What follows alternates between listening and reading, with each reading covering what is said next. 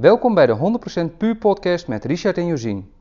De plek waar jij wekelijks inspiratie, inzichten en praktische tips ontvangt over alles wat er komt kijken bij een ondernemend gezinsleven, waarin puur zijn een belangrijk ingrediënt is. Veel luisterplezier. Nou, Richard, volgens mij hebben we nog een deel 2 te goed over jouw sollicitatieavontuur. Ja, voor mij hebben we een flinke cliffhanger laten hangen de laatste keer, of niet? Nou ja, jij was in afwachting, jij wist ook niet meer, dus. Nee, ik wist ook niet meer. Ik had een goede ervaring en toen kwam het verlossende telefoontje. Ja, je had een goed gesprek gevoerd, tenminste, zo heb jij dat ervaren. Ja, de andere kant helaas niet. Je had de andere kant ervaren dat het geen fijn gesprek was? Nee, het gesprek was goed, maar je mag hieruit concluderen dat ik niet door ben naar de volgende ronde. Ehm, en dat had vooral te maken, zoals zij dat zeiden, met het feit dat ik meer gepassioneerd was over wat ik nu doe, thuis doe, dan dat ik in de rol van IBT-docent was. Oké. Dus zoals zij teruggaven, verliep het gesprek perfect. Als mens vonden ze me een mooi mens. En daar hebben ze ook heel, hebben ook heel lang over gesproken. Maar ja, de functie IBT-docent, op het moment dat de voorbeelden aankwamen over lesgeven en dergelijke, was ik heel gepassioneerd over het lesgeven. En met name de ervaringen die ik opdoe in ons eigen bedrijf. En, en als er dan specifieke vragen over IBT kwamen, dan was ik wat. Uh, hoe zeiden ze dat ook alweer tegen je? Ja, jij zei toen je gebeld was tegen mij dat je te analytisch. Ja, ik was heel analytisch in mijn antwoorden, vonden zij als het ging over IBT. Hoe was dat toen je het telefoontje kreeg van uh, helaas pindakaas? Ja, hoe was dat? Nou ja, weet je, ondanks dat je op, op zoek bent. Nou ja, ik ben in een zoektocht van wat ga ik doen, welke kant ga ik op. En een van de dingen was IBT-docent. Nou, daar focus je op. Ik denk dat ik ook gekwalificeerd ben om dat te doen. En toen kwam dat stukje ego kwam toch om de hoek. Dat je in één keer hoort dat je dus het niet wordt. Ja, maar wat bedoel je met dat stukje ego kwam om de hoek? Nou ja, dan is het toch een teleurstelling dat je het niet hoort. Dat, je, dat ik het niet geworden ben. Dus dat je afgewezen wordt. Nou ja, letterlijk afgewezen even. Zo voelt dat ook even. Als mens. Nou ja, daar kun je het heel makkelijk op, uh, op jezelf te betrekken. Dat je afgewezen wordt als mens. Wat natuurlijk niet zo is, want in de vorige uh, podcast hebben we ook gezegd: een sollicitatiegesprek is eigenlijk een matchingsgesprek. Ja, He? nou ja, je wordt dan wel afgewezen nou ja, op je kwaliteiten, feitelijk. Nee, feitelijk word je afgewezen op het gesprek. Want de kwaliteiten, die weet niemand uit zo'n sollicitatiegesprek. Ja, maar die probeer je natuurlijk te filteren tijdens zo'n gesprek. En in jouw geval konden ze dat dus, daar dus niet genoeg... Passie in vinden. Ja, voor die functie. Voor die functie, ja. En jij zegt ego, dus dan is je ego gekrenkt. Nou, in eerste instantie uh, had ik wel even een deuk opgelopen, ja. Ben je toch teleurgesteld? Ik was teleurgesteld daarin, ja. Ja, ja maar je, je zei wel heel snel daarna, binnen een uh, minuut daarna eigenlijk wel tegen mij van ja, maar dat is ook wel uh, meteen een antwoord voor mij. Ja, weet je, ik geloof in dat waar er een deur dicht gaat, gaat een andere deur open. En IBT-docent had nogal wat consequenties voor ons als gezin. Ja. Er zit een jaar opleiding bij, waarvan een gedeelte intern. Nou ja, dat heeft ook impact op het gezinsleven. En daar moesten wij nog zoekende zijn van hoe gaan we daar invulling aan geven. En ik had voor mezelf wel zoiets van laat dit gesprek wel de uitkomst zijn wat uiteindelijk de bedoeling is. Als je begrijpt wat ik bedoel. Of, ja, ik denk wel dat ik je snap. Ik vergelijk het dan met hoe ik dat kan doen. Ik kan, ik kan voor mezelf heel erg zwart-wit zeggen van nou, ik wil weten of dit de bedoeling is. Richt ik dat God? Zo van nou, als dit niet de bedoeling is, dan wil ik ook gewoon een duidelijk antwoord dat dit niet de bedoeling is. Of juist wel, hè? Ja, en, nou, precies dat. Maar goed, dus ik denk dat je op zo vergelijk ik dat dan. Als je op zo'n manier erin staat van ik wil graag, uh, als het uh, niet goed is om te doen, dan, uh, ja, dan is nee ook een antwoord, hè? Ja, nou inderdaad. En nee was in dit geval ook een antwoord. En het was gelijktijdig een spiegel die ik voorgehouden kreeg, want ik was heel erg gepassioneerd over wat ik nu doe. Ja. Hè, mensen helpen met hun gezondheid, daarin onderwijzen op allerlei vlakken. Ja, Daar was ik heel gepassioneerd over. En juist voor de functie IBT was ik analytisch. Dus dat is een hele mooie spiegel. Die, tenminste, ik, ik heb dat gezien voor mezelf. Wel als een cadeautje van een spiegel van oké. Waar je hart meer ligt bedoel Hier ligt je hart. Dus uh, misschien moet je daar ook veel meer op gaan focussen. Is dat veel meer de weg. Het is alsof je op een T-splitsing komt. Eigenlijk niet weet welke kant je op gaat. En dan eigenlijk om raad vraagt van hé, hey, welke kant moet ik op? Dat je links afslaat. Ja. En na een paar honderd meter erachter komt dat het een doodlopende weg is. Dan ga je terug. Dan kun je twee dingen doen. Je kunt denken van hé, hey, ik ben de verkeerde kant op gestuurd. Dus het is niet waar. Of ik ben die doodlopende weg ingegaan. Ik weet nu dat het een doodlopende weg is. Het heeft maar een klein beetje van mijn tijd gekost. Maar ik hoef nu niet meer te, uh, niet meer te twijfelen of die andere kant de juiste weg is. Ja, precies. Een beetje aansluitend op een verhaal wat uh, Elder Holland een keer verteld heeft. Ja. Zo heb jij dat beleefd? Zo heb ik dit, uh, dit beleefd, ja. ja. Oké. Okay. Dat neemt niet weg dat, je, dat ik in eerste instantie dat ik het beeld had dat ik dit heel goed kon. Dat ik het ook heel leuk zou vinden denk ook wel nog steeds dat je een hele goede docent zou kunnen zijn. Oh ja hoor. En misschien op het moment dat, je, dat ik het op een andere manier, op een moment weer zou proberen, dat een heel ander gesprek zou zijn en dat het wel passend is. Alleen dit was denk ik toch echt een antwoord op de vraag die ik voor mezelf stelde. Deze weg onderzoeken of dit, dit, dit passend is. Nou ja, in dit geval was het dus niet passend. Ja, ik weet toch wel, uh, nadat wij de podcast daarmee klaar waren, toen zei jij van ja, dat je een van de vragen die je ook kreeg, ging over, nou, als je eh, fulltime bij de politie werkte, 36 uur. En ja, hoe je dat dan doet met je tijd. Maar ja, dat is vanuit het ondernemersoogpunt kijken wij daar wel ontzettend anders tegenaan. Want 36 uur in een week, weet je, weet je hoeveel uur er in een week zitten? Ik geloof iets van 168? Ja, voor mij 168 uur. Dus wat is dan die 36 uur? Hè? Dat is maar een klein deel van al die uren. En natuurlijk heb je een deel waarin je slaapt. Maar ook in dit geval was er minstens twee uur per dag aan reistijd bijgekomen. Ja, vind je het die investering ook waard? Hè? Dat was ook een vraag die wij ons samen wel gesteld hadden. Maar het idee dat mensen denken buiten die 36 om, kan je niet meer iets anders doen, hè? Dat kunnen wij eigenlijk al moeilijk vatten. Maar ja, wij zitten nooit s'avonds uh, op de bank uh, voor de tv, zeg maar. Daar gaat natuurlijk ook veel tijd in zitten, in dat soort dingen. Ja. Beseffen mensen vaak niet eens dat er veel meer uren in een dag zitten waarin je ja, dingen kan doen waar je hart bij ligt. Ja, nou dat klopt. Maar dat neemt niet weg dat je op dat moment wel teleurgesteld bent. Ja, omdat je een afwijzing krijgt eigenlijk hè, in zo'n proces dus. Nou ja, als je gaat kijken, wat is dan een teleurstelling? Een teleurstelling is eigenlijk een niet uitgekomen verwachting. Dus mijn verwachting was dat ik door zou gaan naar de volgende ronde. Ja, ja dat scheelt je dus weer een hele dag tijd. Het scheelt me een hele dag tijd, ja. Die ik gewoon weer cadeau terugkrijg. Ja. Dat... Die wel weer ingevuld wordt. Zeker, maar die dag assessment, dat hoef je niet te doen. Dus ja, en je pad stopt hier, hè? Voor nu. Voor nu, ja, daar naartoe. Maar ja, waar één deur dicht gaat, ik geloof altijd wel dat er een betere deur open gaat. Nou, je hebt natuurlijk nog andere dingen die op hetzelfde moment ongeveer op je pad uh, kwamen, die je nu verder kan onderzoeken. Nou, die gaan we ook verder uitlopen. Ja. Maar ik denk wel dat het heel belangrijk is om, om stil te staan bij zo'n afwijzende sollicitatie. Want wat gebeurt er nu eigenlijk? Je wordt afgewezen. Nou ja, vind ik afwijzen vind ik eigenlijk een hele verkeerde woordkeuze in deze. Want je wordt als persoon niet afgewezen. Er is geen match. Ja, en toch denk ik dan, dan ben jij voor de persoon niet de juiste persoon op de juiste plek op dat moment. Nee. Dan maak je als mens niet, niks minder waard. Maar je krijgt wel een afwijzing nou ja, op jouw persoon, toch? Ja, en het is ook kijken van, hé, hey, maar waar kom je volledig tot je recht, hè? Waar heb je dus wel die optimale waarde die je geeft? Hoe bedoel je dat? Nou, ik moet denken aan een, uh, aan een kort verhaaltje. Uh, een man die zijn dochter, uh, die 18 geworden is, en die zegt van nou, ik heb een oude stoffige auto in de, in de schuur staan. Die is voor jou. Maar ik wil dat je er eerst mee naar de autodealer gaat. En vraagt hoeveel die waard is. Dus die dochter die pakt die auto, die gaat ermee naar de autodealer. En die komt terug. En die zegt ja, hij wil me er 5000 euro voor geven. Oké, dan wil ik nu dat je met diezelfde auto naar een opkoper gaat. Nou, daar gaat ze heen. En ze komt terug. Ja, die wilde me er 1200 euro voor geven, want hij was roestig, hij was stoffig en was moeilijk aan de man te brengen.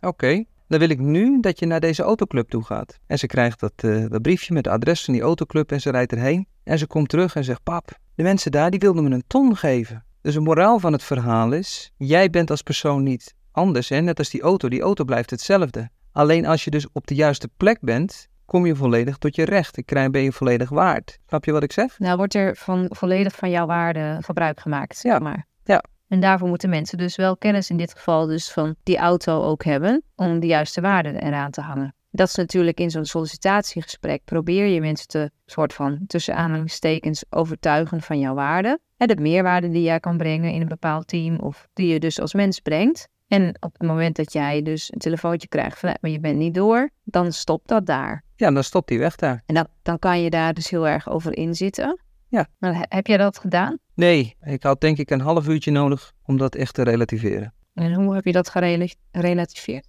Nou, ik had een mooie opdracht van mijn vrouw gekregen hm. om de takken op te ruimen in het, in het grasveld. Die ik al drie weken daarvoor gesnoeid had, ja. En niet opgeruimd had. Nee, heel veel doornen eraan.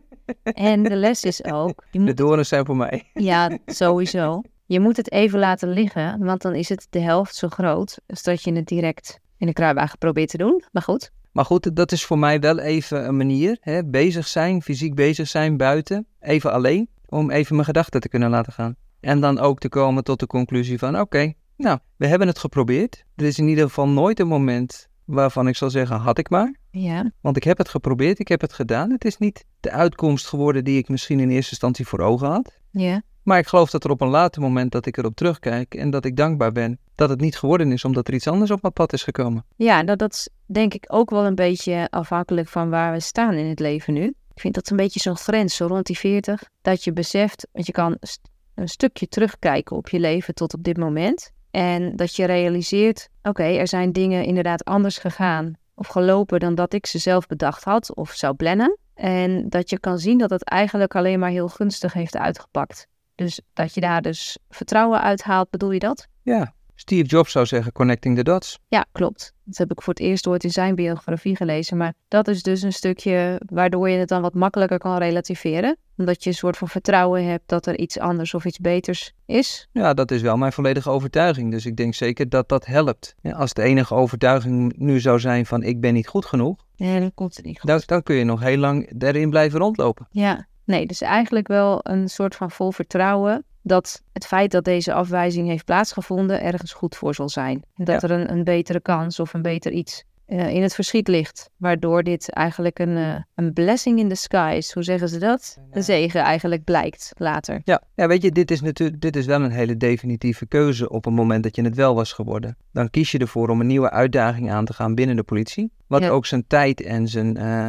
energie vraagt. Ja, dat had zeker een jaren, nou een bepaalde opoffering was dat wel geweest ten opzichte van hoe je nu ehm, eigenlijk hoe je heel veel dingen in het gezin meemaakt. Hè? En het had voor een bepaalde shift gevraagd van mij met betrekking tot bedrijfsvoering. Ja, ik vond het wel grappig dat wij in eerste instantie zeiden, nou als dit, dan doen we het niet. En uiteindelijk zeiden we tegen elkaar, ja, maar als het wel was geweest, hadden we toch wel weer een modus gevonden om het Te laten werken. te laten werken. Ja, ja, maar zo steken we natuurlijk in het leven. Er is altijd een oplossing. Er is altijd een weg. Ja. Ik bedoel, het zal niet altijd een makkelijke weg zijn, maar er, is altijd, er zijn altijd mogelijkheden. Tenminste, zolang je dat zelf nog kan zien. Want ik zeg het natuurlijk tegen de kinderen ook wel. Ja, als een kind zegt het lukt niet. Nee, dat klopt. Als jij maar gelooft dat iets niet lukt, dan lukt het niet. Nee, je bent wat dat betreft, eh, heb je altijd gelijk in je eigen profetie, om het zo maar te zeggen. Ja, ja, komt altijd uit.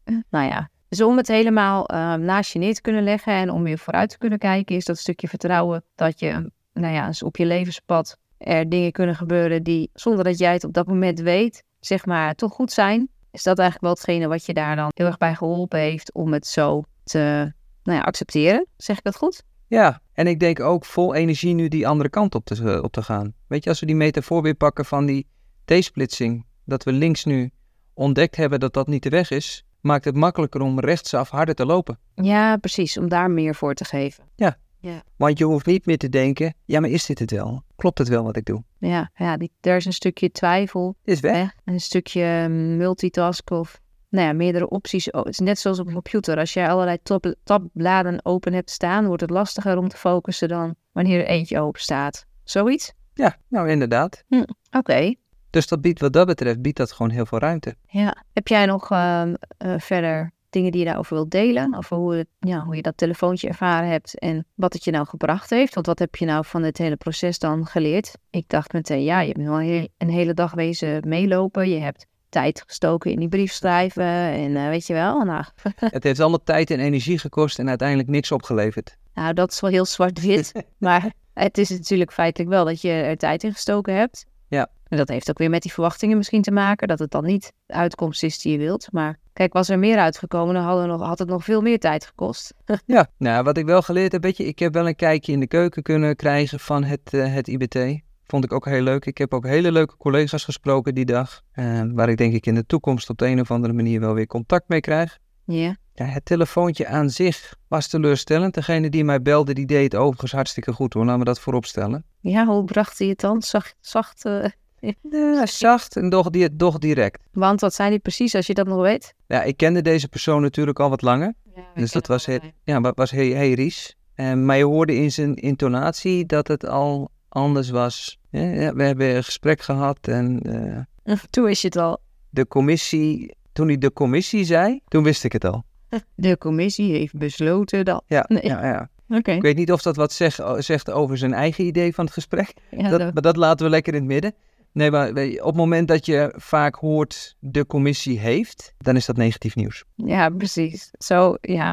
Dat is natuurlijk een tonage ook. En De tonnage, ja. Maar dat deed hij verder, verder netjes. En ja, dat is dan even een teleurstelling. Hij vroeg of ik even tijd had, zodat hij dat nader kon uitleggen. En als ik het gesprek even voor mezelf terughaal, ja. dan klopt het ook wel, denk ik. Dat ik wat analytischer was in de antwoorden eh, op de vragen van IBT. Ja, dus het, het stukje eh, waarop je dan bent afgewezen, dat kan je je ook in vinden. Ja hoor. Dat je zegt van ja, dat, dat is ook wel zo als ik daar eh, zelf kritisch naar kijk. Ja, ja, en weet je, ook al zou ik me er niet in kunnen vinden, het is de beleving van een gesprek. Ja. En Ja. eh, een gesprek heb je met meerdere personen, dus je hebt ook meerdere belevingen. Ja, en jij bent niet degene die beslist. Dus je bent in die zin afhankelijk van een andere beslissing. En als hè, wat je zegt van, ook al was je het er niet mee eens gewe- geweest, nu kon jij je goed vinden in de feedback die je kreeg over waarom je het dan niet was geworden. Maar het hoeft natuurlijk niet altijd zo te zijn in een sollicitatiegesprek. En soms kan iemand afgewezen worden en die snapt er helemaal niks van. Heb jij dat wel eens ervaren? Toen ik bij de politie kwam, toen ik solliciteerde, toen werd eigenlijk tijdens de kennismaking gezegd. ehm het was een grote ruimte met een man of twintig aan een ronde tafel, een ovale tafel. En het politiebureau in Lelystad nog, de doelen. En toen werd daar, of nee, op de schans zaten ze toen nog. En toen werd er gezegd,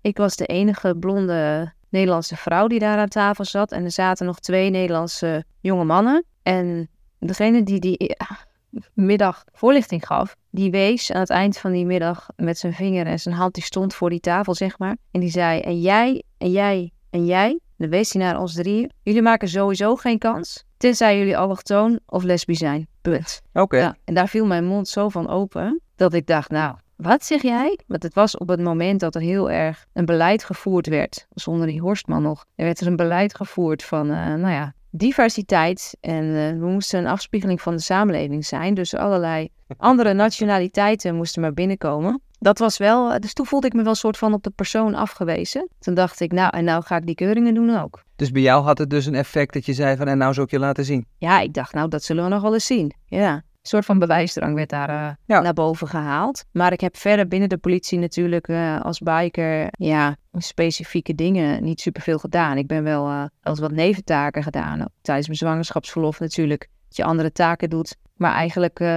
altijd naar tevredenheid ging dat. Dus die afwijzingen in dat opzicht ken ik niet zo. Nee. Ik denk wel dat ik het op dezelfde manier zal ervaren als jij. Dat ik, maar dat is met hoe ik nu in het leven sta. Ik denk wel dat het een verschil zou maken als ik 25 was. Of 30, weet je wel. Oh ja, maar dat weet ik nog wel. Ik heb in de tijd heb ik gesolliciteerd voor de AIVAG, die eerste keer. Ja. En toen werd ik ook afgewezen. Ja, wat was toen ook alweer de beweegreden? Eh AI-vacht trouwens is een arrestatieeenheid. Mensen denken, waar staat dat voor? Ja, nee, ik, ik weet niet eens meer wat de beweegreden was. Maar op dat moment had het wel het effect dat ik dacht van, oké. Nou, de voorkeur ging uit naar iemand anders die de opleiding of zo wel had. Dat, ik weet het niet meer precies. Maar het gaf in ieder geval wel de motivatie om extra hard te trainen. En het nog een keer te proberen. Ja, precies. En dat werd toen ook wel meegegeven. En later ben ik het wel geworden. Ja, en dat zal dus, dat bedoel ik met eh, het verschilletje met of je 25 bent of 40. Als er nu over eh, twee maanden weer een functie vrijkomt voor IBT-docent, dan zou jij denk ik niet weer solliciteren daarop. Nee, maar ik denk dat het ook te maken heeft met de reden waarvoor je afgewezen wordt. Ja, Weet je, op het moment dat je denkt van, nou stel voor, eh, conditioneel ben je niet goed genoeg.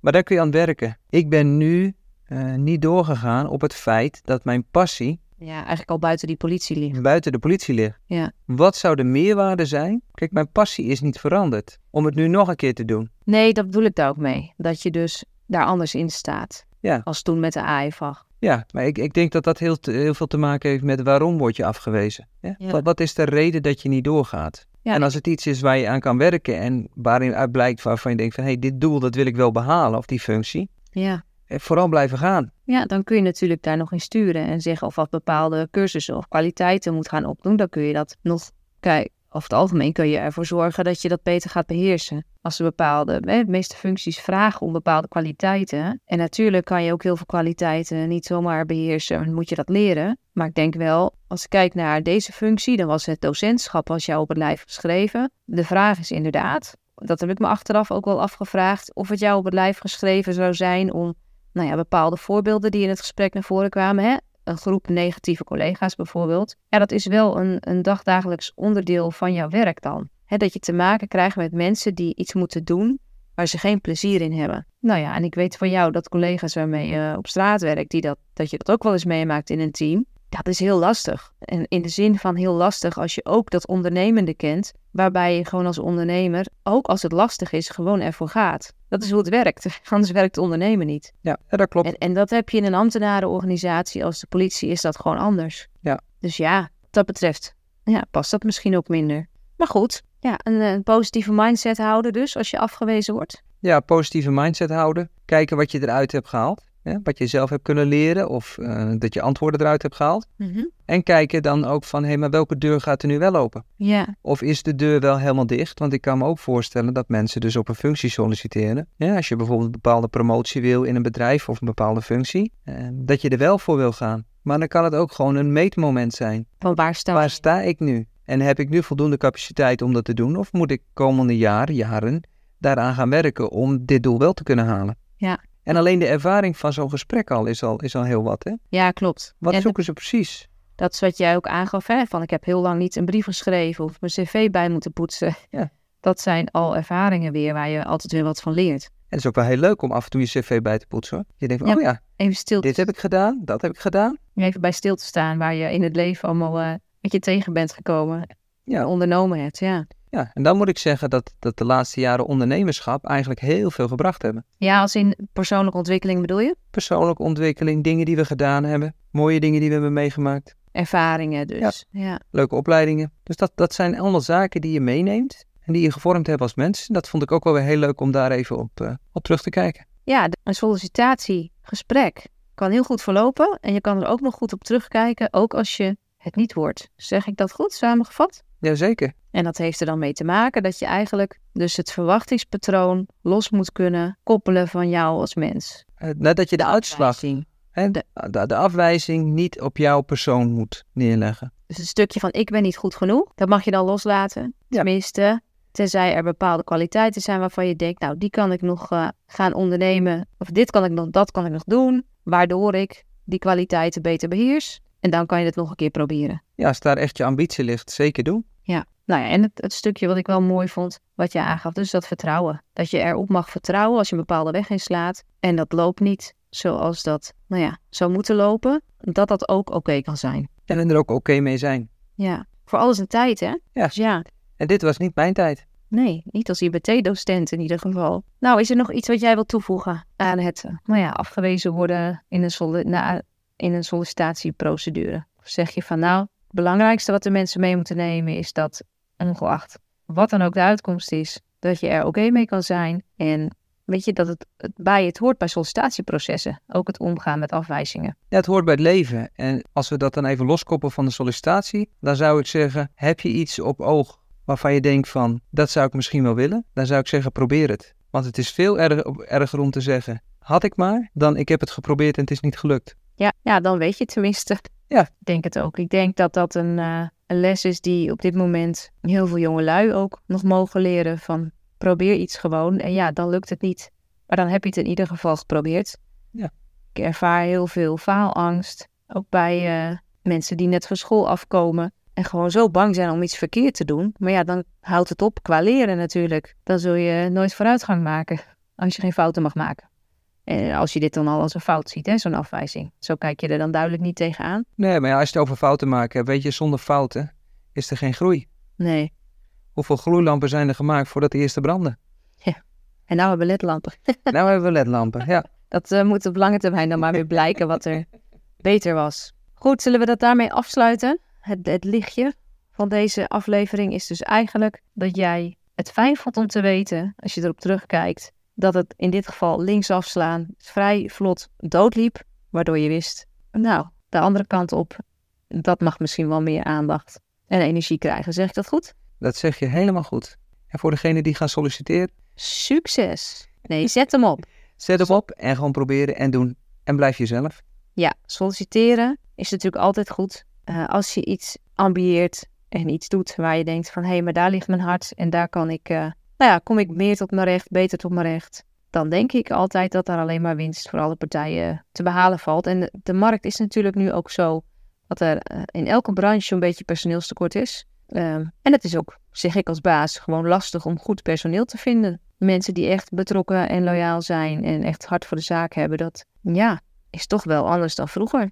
Ja. Vroeger, maar ik ben Die goede oude tijd. Ja, ik voel me heel gezegend met mensen die eh betrokken en loyaal zijn. Maar het is eh, niet meer zo vanzelfsprekend als dat vroeger toen mensen 40 jaar voor een baas werkten, zeg maar. En wil dat ook niet zeggen dat je dan betrokken en loyaal bent of dat je eh, gewoon zit te wachten op je pensioen. Ja, die heb je natuurlijk bij de politie bijvoorbeeld ook veel. Nee, het is eh, mooi om er zo op terug te kunnen kijken, denk ik. En dat heeft ja, jou weer wat gebracht.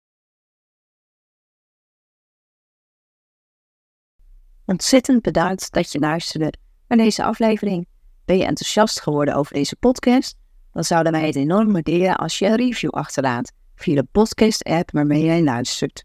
Ook kan je je abonneren op onze podcast, zodat je telkens wanneer er een nieuwe aflevering online staat, direct op de hoogte bent. Heb je tijdens het luisteren naar dit podcast gedacht aan iemand die ook al een pushje puur kan gebruiken? Je kunt de podcast dan delen via social media of gewoon de link kopiëren en doorsturen. Misschien ben je zelf zover dat je graag actie wilt ondernemen voor een 100% puur leven. Download in dat geval gratis ons stappenplan via www.pureolien.nl slash stappenplan. Dat is www.pureolien.nl schuine streep naar voren S T A P P E N P L A N. Tot de volgende keer.